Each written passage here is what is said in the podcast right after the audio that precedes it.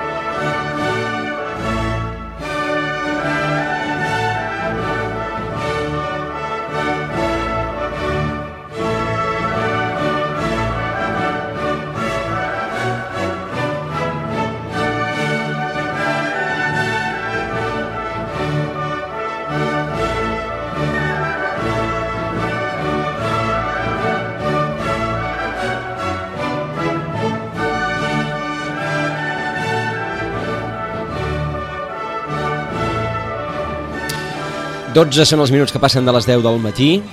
10 anys, 10 anys de l'hora d'Europa.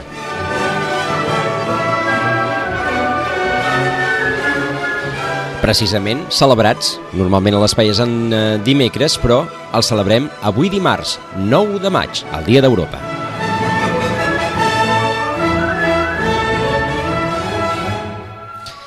Joaquim Millan, bon dia. Molt bon dia. Felicitats. Gràcies. 10 anys portant un espai no és, eh, no és normal, oi? No és el més habitual, podríem dir, no, no, no. d'aquesta manera. Eh, tot i que fa 10 anys eh, miràvem Europa molt diferent, eh? Molt diferent, molt diferent, però permeten que comencin a més amb l'agraïment a la casa, l'agraïment a Ràdio Maricel, a, el Vicenç, a, amb tu mateix, a, que veu creure que podia ser interessant en una ràdio, en aquest cas a, local, municipal de, de, de Sitges, dedicar un espai a, a parlar d'aquesta Europa que tu deies molt diferent a la d'avui, però que, i bueno, també els serveis tècnics aquí a l'Albert, no? que eh, està a l'altra banda de la peixera que en diem, no? que també eh, eh, fa que el so arribi i arribi en condicions en els nostres oients, i per tant l'agraïment a, a haver apostat per, fa 10 anys per aquest programa i per mantenir-lo en èpoques on Europa ha estat eh, més sexy perquè ens entenguem i en moments doncs, doncs, que Europa no, no, no està passant pel seu millor moment però hem sigut fidels a la nostra tradició de fer debat, reflexió i aportar aquesta pinzellada està passant a Europa eh, aquí als, als sitgetans i sitgetanes una vegada al mes. I per tant, en aquest sentit, agraïment per, primer per vosaltres, i després a tanta gent que hem trucat, eh? l'altre dia feia recompte, eh? més de 40 persones han passat per aquest programa durant 10 anys, alguns han repetit, han sigut repetidors, uns altres no, però que ens han aportat doncs, la seva, també el seu coneixement, la seva aportació també ha sigut fonamental per anar generant aquest coneixement i aquest debat i aquesta reflexió sobre Europa durant aquests 10 anys i que ens han anat acompanyant. Per tant, agraïment a tots ells que sempre han trobat un moment quan els hem trucat via telefònica i algun cas excepcional, però també eh, els hem tingut aquí físicament als estudis que ens han acompanyat aquests 10 anys i per tant el primer és eh, felicitar-nos, eh? més que felicitats, felicitar-nos a tots plegats perquè, bueno, com tu dius, pues no és habitual 10 anys mantenir un programa, per tant, content. Um, podem dir que el nostre és un programa europeista? Bueno, més que res, jo penso que poder eh, aquella sensació primera mm, de tots plegats, eh, doncs poder hi havia aquell accent europeista eh, en positiu i, i amb voluntat de parlar d'Europa, etc. I poder amb el temps hem sigut més realistes i el que hem fet ha sigut, mira, la nostra opció és eh, parlar del que està passant a Europa, com ho veu la gent, eh, com ho veuen els experts, què està passant, què podem fer, eh, i en tot cas, eh, què se'ns planteja de futur, i per tant jo penso que hem, estat, hem acabat sent més que un espai europeista, un espai que fa Europa, és a dir, que fem Europa, aquesta hora que estem aquí fem Europa, parlem del que passa a Europa, i per tant jo penso que també hem fet un, a mi m'ha donat la sensació que hem fet un canvi, però un canvi que jo el trobo positiu, no? perquè realment, al final, eh, si tu creus en un projecte, eh, és important que el puguem debatre constantment, i Europa és un projecte viu, en constant evolució, amb una evolució que un temps doncs, ha sigut, ens ha donat la percepció de ser més positiva i que possiblement els darrers temps és una percepció pues no tan positiva. Jo no diria negativa, perquè bueno, penso que negativa és quan, mm, eh, bueno, pues quan no creu, quan, quan no ja vas veient que aquell projecte et decepciona i ja no hi creus, jo penso que és un projecte vàlid i per tant seguim parlant de que Europa és més necessària que mai, però poder un altre tipus d'Europa.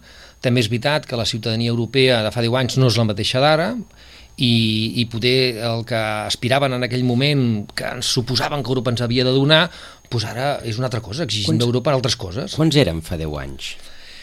Fa 10 anys, per exemple, vam començar el programa que no érem ni 28, per tant, vol dir que en aquests moments som 28,27, perquè algú ja em podrà dir, bueno, Exacte, és a dir, som... els, amb el Brexit tenim els britànics... Som 20, 28 menys un. Menys un, eh? de moment estem en aquest procés ja d'aquests dos, dos anys de negociació perquè, eh, tal com estableix el Tractat de Lisboa, els britànics marxin de la, de la Unió Europea, veurem com, eh, però bueno, ja és una decisió que sembla que ja és ferma i, i estem en ello, i per tant eh, aquests 28, avui 27, mm, per tant també, és clar, fa, 20, fa 10 anys parlàvem de qui se sumava al projecte i ara estem amb que hi ha gent que marxa, no? llavors, clar, doncs la cosa ha canviat.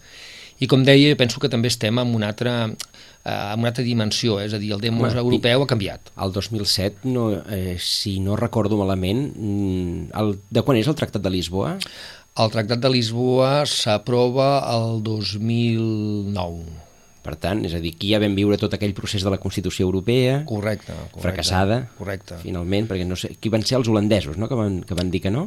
Els holandesos, bueno, van, van, van haver-hi diversos, no? van dir els holandesos i els francesos van votar en referèndum que no, i els espanyols i els de Luxemburg van votar en referèndum que sí, i a partir d'aquí mm, jo crec que va ser un error el, el, la manera de ratificar el, el Tractat de Lisboa perquè es donava dos anys i a més a més cada estat ho podia fer quan volia i el sistema que volia, uns en referèndum, uns altres no, etc. I clar, referèndums, en el moment que tu no el poses el mateix dia per tothom, eh, tothom el posa quan li convé i a vegades en clau local. I per tant penso que aquí va ser un error eh, perquè clar, no es pot produir un procés de ratificació d'un tractat que en aquell moment ja necessitàvem perquè el tractat anterior eh, ja no ens servia massa i jo crec que aquí va ser un, un, un, un punt d'inflexió. Afortunadament després vam reconduir-ho per arribar al Tractat de Lisboa, que és el, el tractat que tenim en aquests moments. Ai, els referèndums que els carrega el diable. Uh, saludem, saludem al senyor i agraïm la seva presència en aquest desè aniversari de l'Hora d'Europa, el senyor Ferran Tarradellas, el director de la representació de la Comissió Europea a Barcelona. Senyor Tarradellas, bon dia. Molt bon dia i moltes felicitats pel desè aniversari. Moltes gràcies. Parlem d'Europa, que, ja és, que, que ja és alguna cosa, oi? Uh, hem començat, avui excepcionalment, amb la novena de Beethoven, però no sé si hauríem d'haver començat amb la Marsellesa avui. bueno, tots dos són himnes molt bons. Uh, A mi m'agrada més, eh, amb tot el respecte per la Marsellesa, naturalment, a mi m'agrada més l'himne de l'alegria, perquè la diferència... no és un himne de batalla, no? Com, com tants himnes és un himne de batalla, mentre que l'himne d'Europa és un himne, un himne de, de pau, no? Uh -huh. És un himne de pau, un himne a l'alegria, no? Que, que genera precisament el, el, el bé suprem que és la pau, no? Podem tenir alegria per la victòria de Macron? Bueno, molta gent efectivament s'ha alegrat per la victòria de Macron, el president Juncker ja ha felicitat el nou president uh -huh. i li ha mostrat la seva disponibilitat a que treballem junts en el projecte europeu. Eh, el que ha sigut interessant d'aquestes eleccions franceses, crec jo, és que ha sigut el tema d'Europa el que ha dominat una mica l'agenda política. I això ha fet obrir els ulls a molta gent que s'han donat compte que efectivament és Europa on es prenen moltes de les decisions que afecten a la seva vida de manera important i que el tema d'Europa hauria d'estar molt més present a l'agenda la, política a les eleccions nacionals, però sobretot a les eleccions que tindrem d'aquí dos anys per, a, per elegir el Parlament Europeu, eh, que és el nostre òrgan de representació directa i que eh, és on s'aprova el 80% de la legislació que ens afecta. Per això uh -huh. jo crec que aquestes eleccions, com les eleccions d'Holanda, com les eleccions de presidencials a Àustria o com les que haurà a Alemanya dins de poc, han tornat a posar eh, Europa al centre de l'agenda política i jo crec que, que això és bo. Jo crec que això és bo en un moment en què estem pensant quina és l'Europa que volem pels nostres nets. Creieu que els francesos han eh, votat en clau europea a, a partir del que ens esteu comentant? Bueno, només calia veure la, la celebració de, del que serà president Macron. Uh -huh. dir, hi havia tantes banderes europees com franceses. I el principal discurs de la, de la Marine Le Pen era eh, tornem a tancar-nos amb nosaltres mateixos, m'entens, i oblidem-nos d'aquest projecte comú. és, eh, és un tema que, que està sobre la taula. Jo crec que aquest, aquest, eh, aquestes eleccions també han servit perquè caiguin molts mites eh, i moltes mentides que s'han dit eh, sobre la Unió Europea.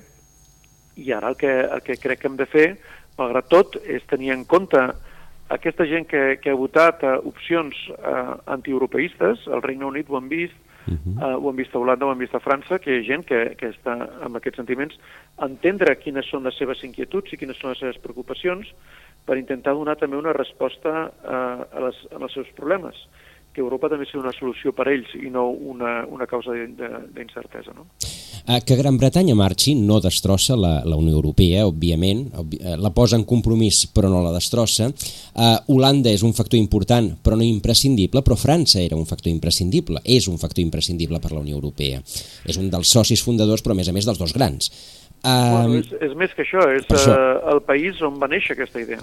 Aleshores... Uh, uh, avui celebrem el Dia d'Europa, que és el dia en què Robert Schuman, el que seria el gran pare de la Unió Europea, francès. va fer un famós discurs uh -huh. francès, eh, ministre uh -huh. d'Afers Exteriors del govern del general de Gaulle, que, que va dir si volem evitar les guerres hem de fer alguna cosa i la cosa que proposava ell era la creació de la Comunitat Europea del Carbó i de l'Acer, que és l'embrió del que ara és la Unió Europea. Per tant... I, és, i, I és importantíssim que recordem això.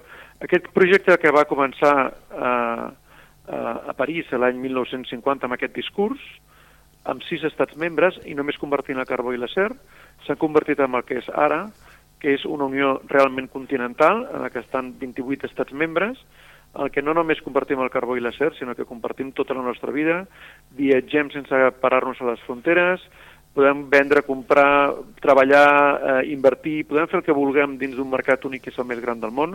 Som la primera economia mundial, hem tingut l'època de creixement econòmic més llarga que, que es recorda en la història d'Europa, i tot això ho han fet gràcies a, en aquest discurs del senyor Schuman del 9 de maig de 1950. Han fet un camí molt llarg. Uh -huh. Els britànics han decidit en aquest moment sortir-se'n. És molt mala notícia per tots dos, per la Unió Europea i per Gran Bretanya, però també pot ser una oportunitat perquè els 27 que es quedin eh, facin una Unió Europea més profunda, més forta i que respongui a les necessitats dels 470 milions d'europeus que es quedaran. Uh, ho comentava amb en Joaquim Millan abans de, abans de començar. El 35% dels francesos no han copiat aquesta idea. És a dir, el 35% dels francesos han votat a una opció que prioritzava marxar de la Unió Europea i tornar doncs, a un model de França diferent abans que, que apostar per aquest projecte eh, que, va, que va encetar Robert Schuman als 50. Bé, eh, eh, ja t'ho he dit al començament, eh, es té que escoltar la veu d'aquests francesos i d'altres europeus que han decidit eh, optar per una, una, una opció que no inclogui la Unió Europea i entendre per què han volgut optar per això. Ara, jo volia dir una cosa, eh? Uh -huh. el, el model que proposa Marie Le Pen no és diferent, no és nou. Ja coneixem aquest model, eh?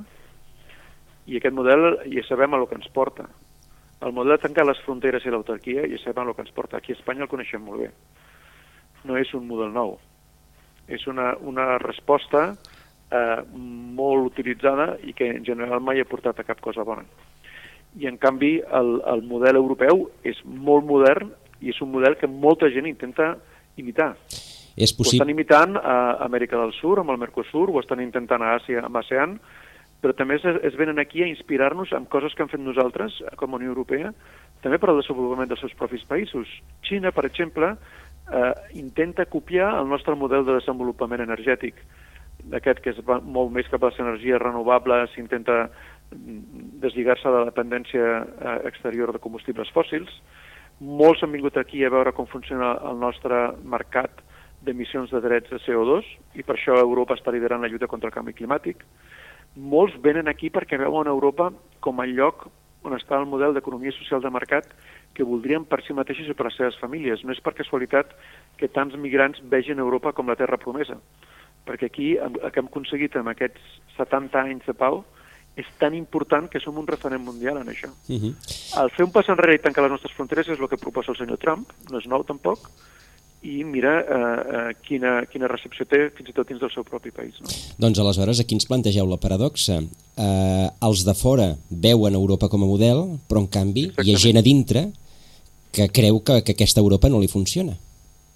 Aquesta és una cosa que, que, que, és, que és sorprenent, però és veritat que quan més te'n vas de la Unió Europea, més admiració notes de la gent per la Unió Europea. Uh -huh. I quan estem dintre sempre tenim aquesta... Recança. Aquesta recança de, de que no ens agrada. Allà, jo crec que sí que és important sempre intentar millorar. Val? Llavors, la Unió Europea, aquests 60 anys que hem celebrat, aquest, aquest any, si em permets, és un any de moltes celebracions. Eh? A part de ser els 10 anys de, del programa vostre de Ràdio Maricel, és també el 60 aniversari del Tractat de Roma, 15 anys de l'euro, 10 anys de l'entrada de Romania i, i Bulgària, 25 anys del Tractat de Maastricht, és a dir, que estem mirant, si fem una mica de marxa enrere, uh -huh. 30 anys d'Erasmus. Quants dels vostres oients han fet un Erasmus i saben el que significa viatjar a un altre país, conèixer gent nova, aprendre un nou idioma, obrir les ments? Vull dir, això és, això és molt, molt important, no? I, de fet, és un, aquest any, que amb totes les eleccions que hi ha hagut, tots els problemes que, que tenim, totes les crisis, la policrisis a la que estem fent front, és un any de, de moltíssima celebració. De fet, aquest diumenge vam estar a Sant Pau celebrant-ho amb la Copla de Sitges, mm. amb la Copa Mari Maricel, uh. -huh. que van interpretar una sardana que es diu Europa, molt ben interpretada, per cert. Voldria aprofitar que estic a la vostra ona per felicitar els músics de la Copla Maricel que ens van uh, oferir un concert meravellós, inclòs aquesta sardana que es deia Europa, de, del mestre Piferrer, Uh -huh. eh, que eh, volia precisament commemorar l'entrada d'Espanya a la Unió Europea l'any 1986, del qual l'any passat també van celebrar el 30 aniversari. Uh -huh. O sigui, és, és, un moment, és un moment de recordar tot el que la Unió Europea ha sigut per nosaltres. I a la vegada, i, i per això el president Juncker va treure el seu famós llibre blanc sobre el futur d'Europa, és un moment en que tenim que pensar en l'Europa dels propers 60 anys, que serà una Europa 27, de moment, fins que entrin nous estats membres, n'hi ha molts que estan a la cua per entrar, una Europa 27 que tindrà que fer front a molts desafiaments, com l'envelliment de la població, la nostra dependència exterior de l'energia, la rellevància demogràfica i econòmica d'Europa en un món on el creixement econòmic es produeix fora dels països de la OCDE. Eh, bueno, tenim molts reptes per davant, els que Europa tindria que ajudar a donar una resposta, i per això el president Juncker planteja aquests cinc escenaris eh, que serveixen com una mica de punt de partida del gran debat sobre el futur d'Europa que estem, tenint, que estem celebrant eh, des del 25 de març, eh, que va ser l'aniversari del Tractat de Roma, i que durarà fins que els ciutadans diguin la seva última paraula en les eleccions al Parlament Europeu de l'any 2019.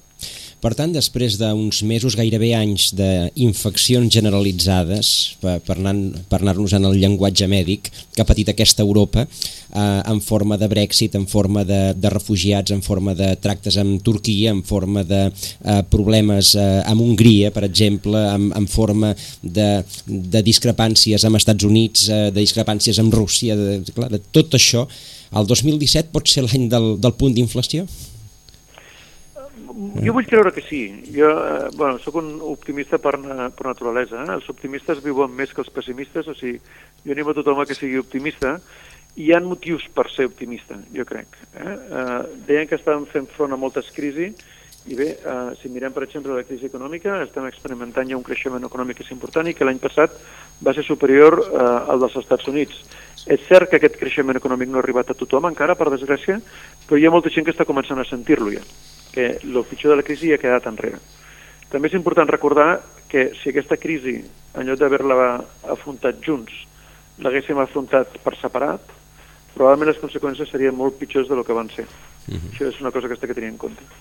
I potser la crisi dels refugiats, l'arribada tan important de, de gent, és un altre exemple que si haguéssim fet una resposta conjunta en aquesta crisi, en lloc d'haver fet cada estat membre pel seu costat, probablement haguéssim, ens haguéssim sortit molt millor de com ens hem sortit en aquesta crisi en què cada un ha fet una mica el seu interès. No? Tampoc hi ha competències europees a l'hora d'acollir refugiats. Podríem, eh, anava a dir, podríem No, entrar, entrar en els temes, però en qualsevol Sí. cas, és, eh, de vegades és difícil perquè tampoc hi ha la, la, el marc normatiu que permetria aquesta resposta conjunta, per exemple. Bueno, hi ha un article del tractat uh Mhm. -huh. que eh, dona instruments per, per organitzar la solidaritat entre els estats membres en cas d'arribada massiva de refugiats, que és l'article que es va acollir el president Juncker quan va intentar crear aquest mecanisme de repartiment una mica equilibrat de la càrrega de l'arribada de tanta gent a les nostres costes. Uh -huh. val? El que sí que és cert és que tenim competències, per exemple, en, en control de fronteres exteriors, s'ha creat amb una, amb una velocitat molt ràpida el cos europeu de fronteres i costes, de guardacostes, que bueno, ha ajudat una mica a millorar el control de les nostres fronteres, que va fallar de forma greu eh, sobre, bueno, a molts dels països que estaven rebent tants refugiats de cop, no? Uh -huh. I, I totes aquestes crisis, jo crec que aquest missatge que ens donen és, és important, o sigui, és, si estem junts, som molt més forts per fer front a qualsevol problema que tinguem. I si estem separats, som molt més febles a l'hora de fer front a qualsevol problema. Aquest és el missatge que crec que, que la major part de votants francesos han entès i que en canvi hi ha hagut uns milions de, de votants francesos que encara no han entès i que se'ls té que explicar, òbviament, i que han de, de, se'ls té que explicar amb exemples concrets que el que estem junts els beneficia. Uh -huh. És una cosa que els ciutadans britànics veuran aviat, estan començant a veure ja, però que veuran aviat, no? De, del que perden sortint de la Unió Europea. Sí, sí, però sortiran igual. Una, és una pena per, per tots els costats, sí, però... Sí, sí. Però això, això ja no hi podem fer-hi res, és a dir, de moment sortiran, si demà no tornar a entrar ja en parlarem, perquè ja seria, ja seria grossa. Teniu un dia de celebracions avui, senyor Taradelles? Sí, uh -huh. sí, sí, tenim un dia de celebracions, com et dic, vam començar a les festes el diumenge passat amb la, amb la Copla de Sitges, amb la Copla Maricel, uh -huh. eh, que ens van oferir la interpretació de diverses sardanes, inclús la sardana Europa, i vam, van començar ballant aquestes, aquestes celebracions del Dia d'Europa. Avui farem una, una recepció, bueno, ara dins de poc tinc en el Parlament de Catalunya, on la presidenta Forcadell fa una recepció al cos consular per celebrar precisament això, el Dia d'Europa. A la nit a l'Ajuntament de Barcelona, el Consell Català del Moviment Europeu, del que el Joaquim Millan és un il·lustre membre, eh, organitzen el seu concert anual amb motiu del Dia d'Europa, llegiran una declaració que jo crec que valdria la pena si després teniu un moment de repassar-la eh, en el vostre diàleg, perquè és una uh -huh. declaració que, que això convida a l'optimisme i que jo ja he subscrit i animo altres a subscriure-la i després també tindrem una recepció i després seguirem amb les nostres celebracions demà amb la projecció a la Filmoteca de Catalunya de l'Auberge Espanyol eh, i, un, i un diàleg sobre el que ha significat l'Erasmus eh, en aquests 30 anys en què quasi 5 milions d'europeus han tingut l'oportunitat de fer unes pràctiques o uns estudis fora de les seves fronteres. Sigut una cosa que, que jo crec que ha reformat molt la identitat europea. Uh, farem una altra projecció d'una altra pel·lícula, aquesta catalana, sobre Erasmus, que es diu Julia East, el diumenge, una estrena, i uh, al mes de setembre farem un altre acte per celebrar els 15 anys de l'euro, amb el Museu de Numismàtica del Museu Nacional d'Art de, de Catalunya, en el que recordarem el que significa el tenir una moneda transnacional. Això eh, pues, els europeus doncs, no, no li donen prou importància, però és un canvi eh, gegantí. El que puguis anar a França, a Alemanya, eh, jo que sé, a Malta, a Itàlia, a Irlanda, i que puguis pagar amb la mateixa moneda sense necessitat de pagar un sol cèntim en tasses de canvi ni tenir l'encertesa de, de quin serà el canvi de la moneda quan hi vagis. No? Uh -huh. Doncs eh, dia complet de celebracions, us saluda Joaquim Millan. Moltes gràcies, Ferran, per acompanyar-nos en un dia que tu tens complexa per la teva agenda, però que has volgut dedicar aquesta estona a una ràdio, una ràdio local, que fa 10 anys, doncs, bueno, de manera voluntària, doncs, vam començar a treballar per tindre un programa mensual sobre Europa i que ens ha fet molta il·lusió amb aquest desè aniversari comptar amb la teva presència i participació. Gràcies, Ferran, per estar aquí avui amb nosaltres i bon dia d'Europa. No, gràcies a vosaltres, eh, bon dia d'Europa, feliç aniversari i espero que, que no sigui l'última vegada. No, espero no. que em convideu, estaré encantat de, de participar en directe o, o per telèfon en el vostre programa que trobo que és molt interessant. A veure, a veure si d'aquí d'ara endavant les preguntes van més cap, a, més cap al positiu, més de dir, mira, estem sortint, estem sortint, ara ja... Perquè Però, sí, però, però, perdona, però jo crec que hi ha moltes coses molt positives. Eh? La, la, la gent a vegades te- ten- tenim tendència, i això potser a Catalunya en som una mica especialistes, a, a pensar en les coses dolentes, i tenim moltes coses molt bones. A part de tots aquests aniversaris que estem celebrant, eh, en el tema de la lluita contra el canvi climàtic, que jo crec que és un dels grans reptes del futur, qui està portant la, la batuta, qui està portant el, el lideratge, és precisament eh, la Unió Europea. I això és una cosa de la que hauríem d'estar orgullosos. El nostre model econòmic, l'economia social de mercat, fa que la meitat de la despesa social del món es faci a la Unió Europea. Tenim el, la, la part social, o sigui, el, el, el, el continent més social del món, no? Mhm. Aquí gaudim de sanitat, educació, serveis socials, lluita contra les desigualtats, a una escala mai vista. Espanya, per exemple, que és el, el país eh, que va entrar en el 86, amb un 75% de, P, de mitjana de PIB europeu, eh, fa només dos anys estava per sobre de la mitjana del PIB europeu. És a dir, que hem fet un desenvolupament, els que, els que ja som una mica més granats, recordarem com era Espanya en l'any 86 i com és Espanya ara. Aquí sí, estic segur que podeu veure la diferència. Uh -huh. I, I això són molt bones notícies, també hem d'estar orgullosos i hem d'estar contents de, de celebrar-ho, no? I llavors, jo honestament, jo crec, i crec que n'hi haurà més de bones notícies en el futur, ja ho veureu. Bueno, doncs ens ho agafarem des de l'optimisme. A, veure, a, veure, a veure si la cosa va bé. Molt bon dia d'Europa i moltíssimes gràcies, Ferran Tarradellas, director de la representació de la Comissió Europea a Barcelona, per haver-nos atès aquesta estoneta. Bon dia d'Europa i felicitats de nou. Gràcies. Gràcies, bon dia.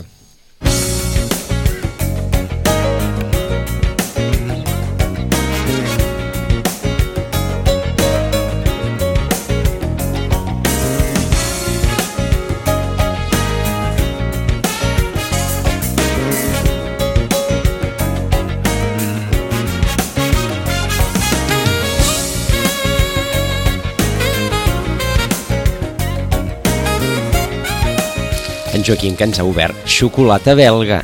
Xocolata belga, jo me'n recordo del dia, del dia que vaig acompanyar en Joaquim a Brussel·les que era, no sé si era el 2008 o el 2009, devia ser sí, aproximadament, sí, sí, ja en aquells cursos que fèieu de, sí, sí, de, de la Unió Europea, que mm, hi ha coses, hi havia coses que estaven molt bé i altres coses que... Que, que grinyolaven una que mica, grinyolaven no? una mica i que, bé, no sé, a mi personalment em continuen grinyolant, però en qualsevol cas qualsevol cas, eh, les coses, les coses han, anat, eh, han anat com han anat i per tant doncs, ara el que toca és, és arranjar el que s'ha fet malament i mantenir el que s'ha fet bé. Uh, passem de convidat a convidat, anem ràpidament en aquest desè aniversari de, de l'Hora d'Europa, al Dia d'Europa, aquest 9 de maig, i saludem a la persona que estarà en la celebració que ens comentava fa un instant Ferran Tarradellas, el president del Consell Català del Moviment Europeu, que és tertulià eh, habitual d'aquest programa, el senyor Xavier Ferrer, que doncs, participarà en, aquesta, en aquest acte on es llegirà la declaració del Dia d'Europa a favor d'una Europa unida i compromesa amb la gent. Ens ho està ensenyant en, eh, en Joaquim. Eh, senyor Ferrer, bon dia. Bon dia. Um, bé, avui, Dia d'Europa, dia de celebració? Sí, sí, bueno, és un dia de sempre el dia 9, 9 de maig, que rememora el discurs de Schumann, no?, de ja fa pràcticament 70 anys, no?, I, i sí que és un dia de celebració, però també de reivindicació. Eh? No podem estar aturats com els, les notícies o les realitats de l'últim any ens demostren. Uh -huh. eh, és un dia de celebració, però és un dia també de compromís i de treballar per una Europa, com diu el text o l'encapçalament de la declaració que hem fet doncs, per fer-la més unida i més propera a la gent.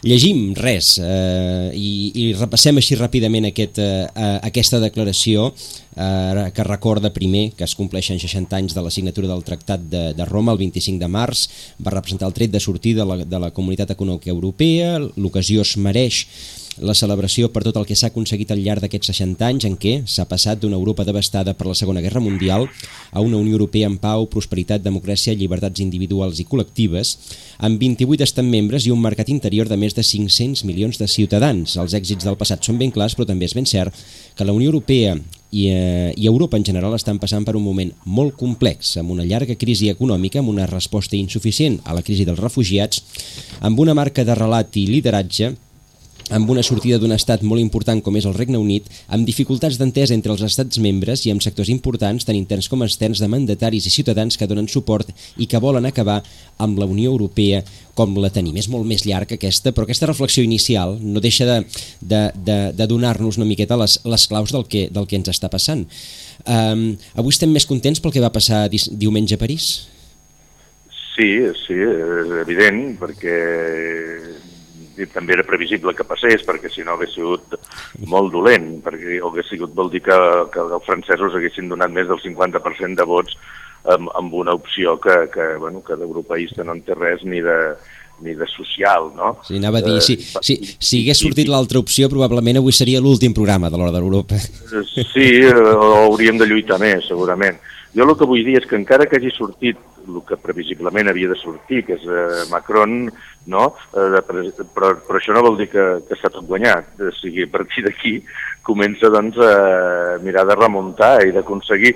De fet, eh, eh, per explicar-ho planers, eh, aquesta Europa que, que estem construint ha d'integrar a, a, a tothom, no ha d'excloure ningú.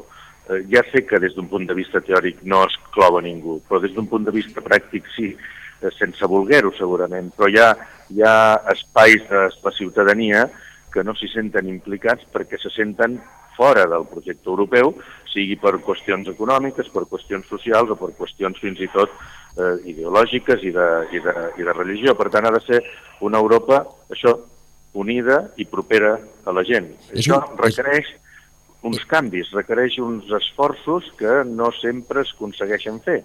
És un Hi ha d'haver 35% dels, un fer-ho. 35% dels francesos que han arribat a, que- a aquesta conclusió de que prefereixen un altre model que el model d'Europa.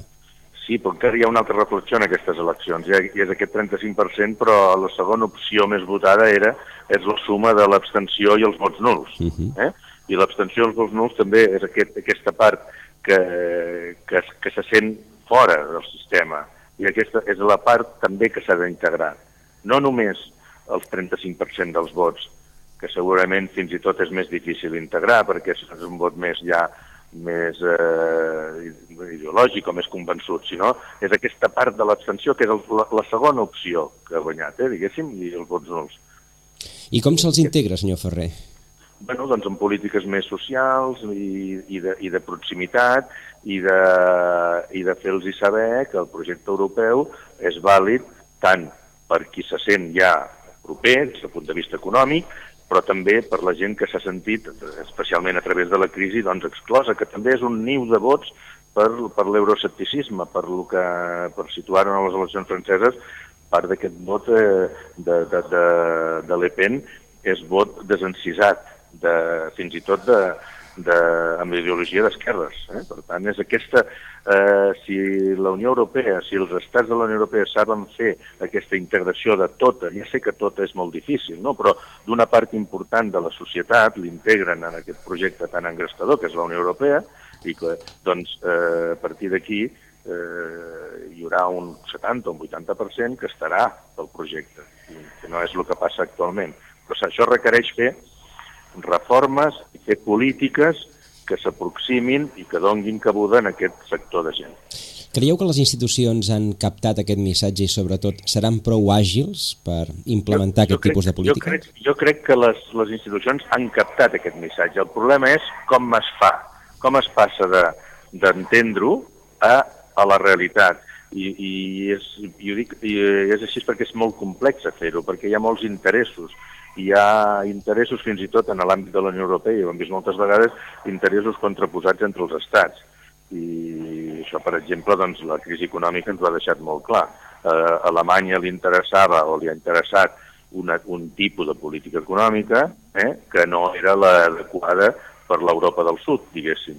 Però clar, com que són estats diferents i no hi ha una unitat política, que és allà on s'hauria d'anar, eh, doncs eh, aquesta realitat de, de la Unió Europea, que és una unió d'estats, però no és una, un estat eh, únic, eh, un, doncs eh, fa que, que, que tingui aquestes disfuncions, entre les quals hem de lluitar i hem de treballar perquè, perquè cada vegada siguin, siguin més eh, coordinades i integrin a, tot, a, a tots els sectors. Creieu, per tant, que caldria eh, aprofundir en la integració? És a dir, en, encara Sí, cedir sí, més jo- competències estatals? Jo, jo eh, bueno, ho he escrit fins i tot eh, recentment. Eh, la, eh, S'ha d'incidir amb la integració econòmica, que ja sembla que s'hi va, eh, però la, la desgràcia o, o la realitat d'Europa o de la Unió Europea és que sempre s'hi va a partir de crisis, no? Uh -huh. És la crisi econòmica, doncs llavors la, la solució al final és doncs, més eh, control pressupostari, més coordinació fiscal i unió bancària. Per tant, podem dir que en el, que és la zona euro ja hi ha aquest camí cap a la unió econòmica, però falta el pas més important, que és la unió política, perquè des de la unió política és quan, quan hi ha situacions complexes com de crisi econòmica, és quan es pot defensar molt més o, i molt millor la, les postures que es prenen des d'un punt de vista polític. Per exemple, l'exemple seria, o la comparació seria als Estats Units, la crisi la va tenir igual, però va decidir una sèrie de, de polítiques i les va decidir, diguem, l'estat central.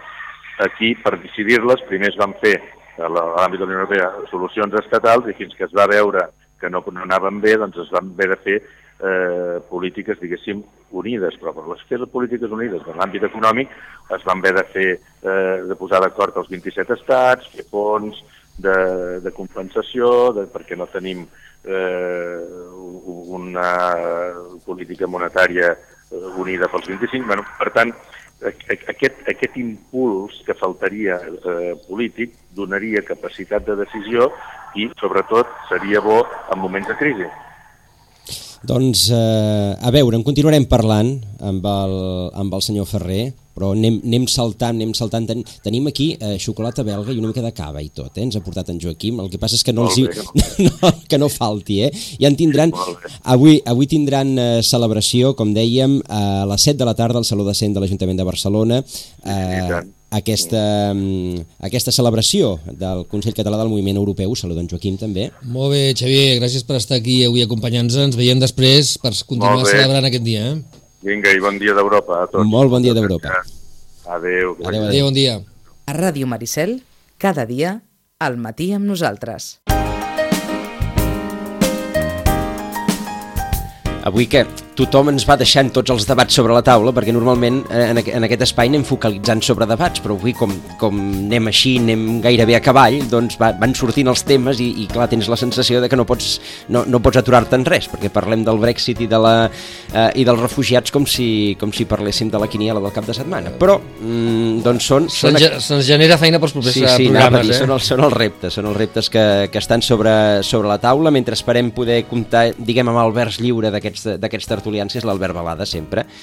Uh, doncs uh, sobre la taula està això, que tothom és conscient, però això, això jo tinc la sensació que ja fa, ja fa bastants mesos que, que anem donant voltes a, al mateix. Tothom és conscient de que aquí hi ha un problema, Uh -huh. Però ningú, és, eh, ningú té la fórmula per trobar la solució. Jo penso que aquest poder és el gran, el gran problema, és a dir, trobar la solució, que més no sigui una solució eh, que pugui ser compartida per la majoria de la ciutadania i per la majoria dels 27-28 que formen part de la Unió Europea i bueno, estamos en ello, eh? vull dir que estem, estem en un moment, però jo només va apuntar una cosa abans eh, eh, que puguem començar a parlar amb la Balada, que a més és, eh, ell és eh, politòleg i poder, poder, poder seria interessant començar per aquí parlant amb ell, és que més que mai aquestes eleccions nacionals eh, tenen un trasfons eh, europeu més que mai, és a dir, inclús la primera volta francesa, jo he anat a instituts i la gent era conscient que hi havia eleccions a França, cosa que mm, cinc anys abans o mirem a la hemeroteca i bueno, se'n parlava, però se'n parlava d'una manera molt, eh, molt concreta i molt determinada i en algunes pàgines molt concretes als mitjans de comunicació i ara hem tingut primeres planes quasi cada dia, no? Per tant, jo penso que alguna cosa deu estar passant perquè la gent estiguem preocupats a què passa a Europa. Doncs eh, saludem Albert Balada. Albert Balada, bon dia.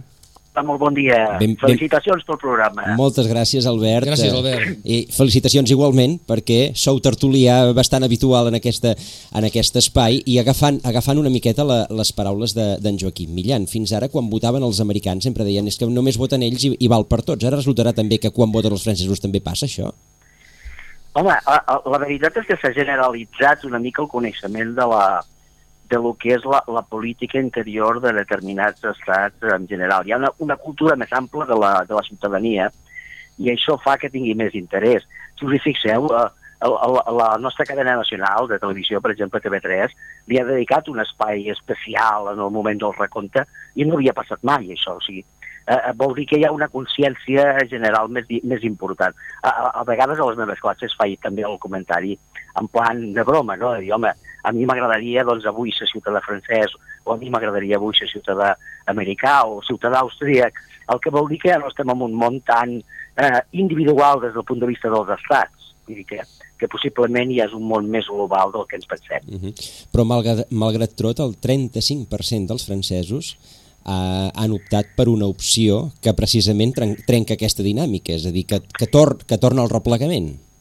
A, a veure, eh, llegim-ho de, de manera correcta. Sí. Uh... No, no, no ho dic pas per vos, eh? vull dir, ho dic en general. Eh, jo crec que avui els francesos eh, tots han votat per una Europa diferent. Eh, fins i tot el, el, el propi guanyador, el senyor Macron, estava plantejant eh, el, el fet de que el model confederal europeu no funciona. Va ser que ho deia d'una manera molt subtil, no era punt eh, central del, del seu programa, però ell estava plantejant això. Per tant, si sumem el, el, el model contra el que proposava el senyor Macron, més el model contra el que proposava la senyora Le Pen, que era una mica més radical, dir, que era, era el retorn a l'ECU i el, la doble moneda i tal, estem veient que els francesos volen un altre tipus d'Europa, que era en realitat el que d'alguna manera insinuava el Joaquim Millan al començament del programa, no? És a dir, aquesta Europa, tots som europeistes, però potser ens agradaria d'una altra manera. uh, de tota manera, estem, uh, hem, hem salvat el, el principal escull que hi havia en aquest any 2017 ple de pedres al camí? De, això el que ens, planteja és una cosa molt, molt concreta, és dir, el, el tema del, del Brexit o, o el tema de les eleccions franceses, eh, encara en queden unes altres, eh, les legislatives del mes que ve a França. Eh, ens quedaran les, les eleccions alemanes del, del mes de setembre. Eh, ens està plantejant que eh, Europa necessita un canvi, necessita una transformació. Eh, alguns dels, dels vostres convidats ja, ja han plantejat, bueno, segurament eh, la, la, les, les elites europees ho han entès i s'ho hauran plantejat. Bé, és que si les elites europees, quan, vull dir elites polítiques, eh, no, ha, no han entès el missatge, eh, aquest any 2017 és, és un any de, de, de tindre que resoldre eh, problemes. Si no, si no entenen el missatge i no comencen a la resolució dels problemes, ara és quan realment s'esfonsa la Unió Europea. Vull dir, me, més avisos que aquests ja no se'n poden fer, no? Un país que abandona allò que vulgui entrar, eh, una França que s'està plantejant eh, quin model europeu, això encara no havia passat a cap elecció eh, dintre d'Europa, no? O sigui, que totes les forces polítiques es plantegin d'una o altra manera, vist, vist més suau o més dur, que Europa d'aquesta manera no funciona, és un avís important cap a les elites polítiques europees. I el sabran, el sabran entendre, el sabran entomar, aquest, jo crec aquest que avís? Jo crec que no. A veure, soc, soc optimista també per naturalesa, amb el senyor de Radelles, però eh, eh, hi ha tot un entramat tan, tan, tan fort i tan ben trebat amb, amb, amb aquesta Unió Europea actual eh, que és molt complicat, diguem, desmantellar el model. Eh, fins i tot el, el propi senyor Macron, eh, per estar encara amb la, amb la connexió francesa, eh, els hi estava avisant, senyors, no teniu una estructura democràtica, fixeu-vos, quelcom de tan elemental de l'estructura democràtica, la presa de decisions, la Unió Europea no la té. Per tant, eh, si està carent de democràcia, eh, o ho solucionem o se'n pot anar a Norris tot això. Però, clar, eh, representa remoure tota una gran estructura eh, que és molt complexa, eh? no, tampoc és fàcil. O sigui, jo no voldria estar pas en el seu paper perquè no és fàcil. Però eh, jo crec que eh, s'enrocaran s'enrocaran les elites polítiques, aquest sistema ja va bé, funciona, és el que millor ens ha anat, ens ha portat, de fet, és el discurs que s'està escoltant. Eh, Europa està molt millor ara que fa 70 anys, és cert, eh, tots aquests discursos que ens estan dient. A, a mi m'agradaria pensar que entendran que això se'ls ha dit, però ho veig complicat. Després de 50, 67 anys, 67 anys del discurs de Schumann, està caducat? No, en absolut, en absolut en absolut. El discurs de Schumann és avui més vigent que mai. El, el problema és si només és un recordatori festiu uh -huh. o si realment ens ho creiem. Si ens ho creiem, eh, és, un, és un discurs que és actualíssim. Si només serveix per, per recordar eh, com, com recordem els, els nostres avantpassats, diguem, els nostres pares, els nostres avis, aquests que no els hagin perdut, i els, els recordes un cop a l'any, no? Doncs malament, perquè no, llavors no, no fem res. Però qui se'n recorda del, de la Segona Guerra Mundial, ara? Um, a veure, és que fixeu-vos que no, no, no és tant no és tant el concepte de la Segona Guerra Mundial, que també se'n recorda la gent, eh? el món no, no ha deixat d'estar en pau mai, encara que s'hagi acabat la Segona Guerra Mundial. És és el fet de la, de la cooperació, uh -huh. el fet d'aquesta paraula tan francesa que és la fraternitat eh? entre, entre els pobles europeus, perquè en definitiva nosaltres no som tan diferents, tenim una cultura comuna a tots els pobles europeus, no? Eh, Schumann venia a dir això, no? I no, ens hem estat barallant durant 400, 500, 600, 700 anys, la, la darrera ha sigut la, la més grossa, doncs parem ja i cooperem perquè tenim coses en comú. Aquest discurs és vigent, és, és, és, és actualíssim, no? Mm. És, és, és, és, és revolucionari, perquè veu, veu de les essències revolucionàries i continua sent vàlid avui en dia. No? Schumann era part d'unes elites, unes elites que a més a més ho havien passat malament perquè havien, havien viscut una guerra. Eh, les elites actuals, que són les que haurien de prendre aquesta decisió, mm, són diferents d'aquelles. Uh, sí, uh, la diferència uh, és substancial i gran. I, i aquí podríem utilitzar i, algo que potser alguna vegada ja, ja he usat jo amb, aquesta, amb aquest programa vostre, que és la, la cita de von Bismarck, no? Aquelles, aquelles generacions, aquelles elites, eh, no pensaven en les eleccions, pensaven en, pensaven en les generacions futures. Hauríem d'aconseguir tenir unes elites que pensessin en les generacions futures i no en les properes eleccions. Ai. Això, sí, això, és sí. Una, això és una carta als Reis, eh, Albert? Ut utopia, Albert, utopia. Ah, sí, però, però, però, però, clar, eh, i serà de ser utopia en el moment en què hi hagi més gent que ho pensi, eh? No, utopia, però és la desgràcia. És cert que, evidentment, eh, avui estem en un plan que eh, parles, parlem més de les futures eleccions, encara que estiguin a dos anys vista, eh, que del problema real d'avui en dia i com trobem solucions del problema real d'avui en dia. Perdem més temps amb, això, amb l'altre que amb això. I aquest és un altre problema, també, eh, perquè al final això ens acaba s'acaba encomanant en els mitjans de comunicació, la ciutadania, etc i perdem més el temps amb això que realment dir, bueno, escolta'm, sí, sí, però tenim problemes, com els solucionem, quin mètode, quines solucions, què hem de fer, etc etc. no? Poder perquè això genera, en, en, en, vol dir, tindre més feina, no? Pensar, eh, feina, debatre, en fi, no ho sé, no ho sé, eh? Clar, perquè, perquè estem confonent la, la, la gestió amb la política. És dir, la, la, la política ha assumit part de la gestió, i, i, i això eh, comporta de vegades paralitzar projectes, processos, etc etc. I, i la política hauria d'estar separada, diguem, de la gestió, no? La gestió ja té la seva dinàmica, perquè llavors si no ens convertim en que la política és burocràcia i no és presa de decisions polítiques de veritat. Llavors, mm, eh, que es reuneixin, posant, posant el cas europeu ja per no, no parlar d'estats, no? però que les reunions del, dels consells, dels diferents consells de la Unió, o siguin econòmics, o siguin... Bé, això són reunions burocràtiques, que es vesteixen d'un vestit polític, però que en realitat no deixa de ser més que burocràcia. Per tant, la, la gran presa de decisions polítiques no es fa mai. No, no es fa mai, perquè és, és, és una anar caminant. Llavors, si la ciutadania comença a qüestionar això, i hauríem d'escoltar els francesos perquè ho comença a qüestionar, doncs això aniria bé. Doncs... tant, no, no, no, ah, clar, com que, perdoneu que us corregeixi, eh? no, no, no voldria pas fer, eh? però, però és, si només mirem el resultat de les eleccions franceses dient un 34% dels francesos vota contra Europa, aquí ens equivoquem. És analitzar de dir, no, no, perdoneu, gairebé un 80% dels francesos vota contra Europa. No, no contra Europa, perdoneu. Contra aquest model. Contra aquest model d'europeu, no?